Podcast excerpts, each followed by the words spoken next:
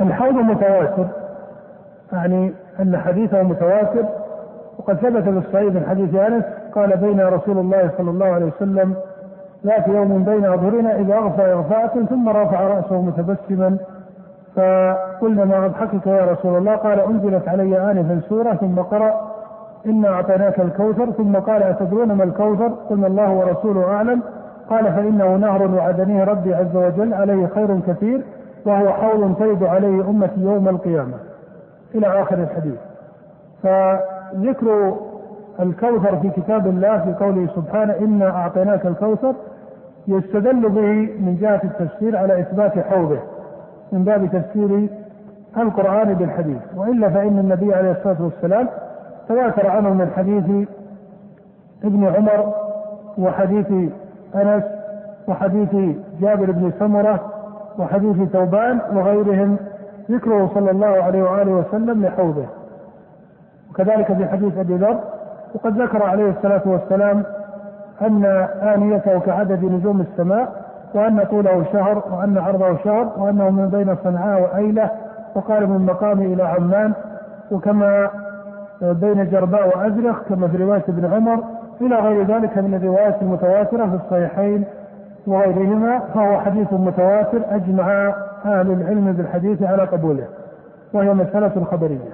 وهذا الحوض ترد أمته صلى الله عليه وسلم لكن قد حدث عليه الصلاة والسلام كما في حديث أبي هريرة في الصحيح قال كنا مع رسول الله صلى الله عليه وسلم فقال وددت أن قد رأينا إخواننا فقلنا ولسنا إخوانك يا رسول الله؟ قال بل أنتم أصحابي واخواننا الذين لم يأتوا بعد قالوا فكيف تعرف من لم يات بعد من أمتك يا رسول الله؟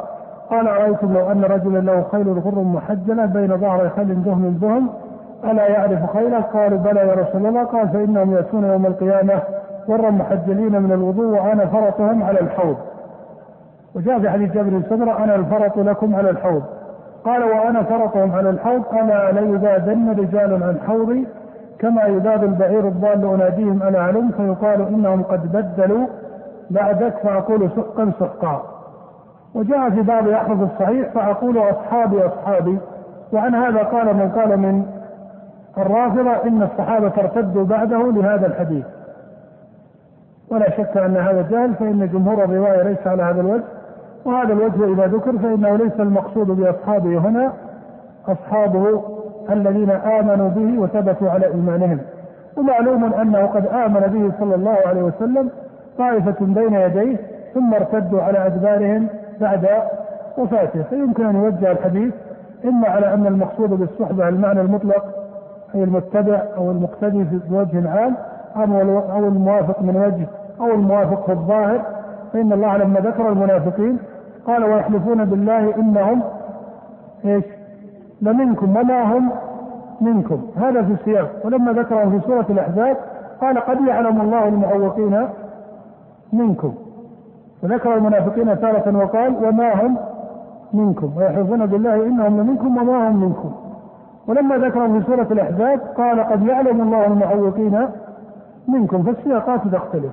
أو يقال إنه قد ارتد ما يرتد ممن كان صحابيا وقت إيمانه واتباعه للنبي صلى الله عليه وسلم فهذا حرف لا يصح أن يتمسك به على الطعن في سائر أصحاب الرسول صلى الله عليه وسلم فإن هذا خلاف العقل وخلاف الشرع. فإنه يلزم على ذلك أن تسقط السنة وحتى لا يؤخذ الكتاب. نعم.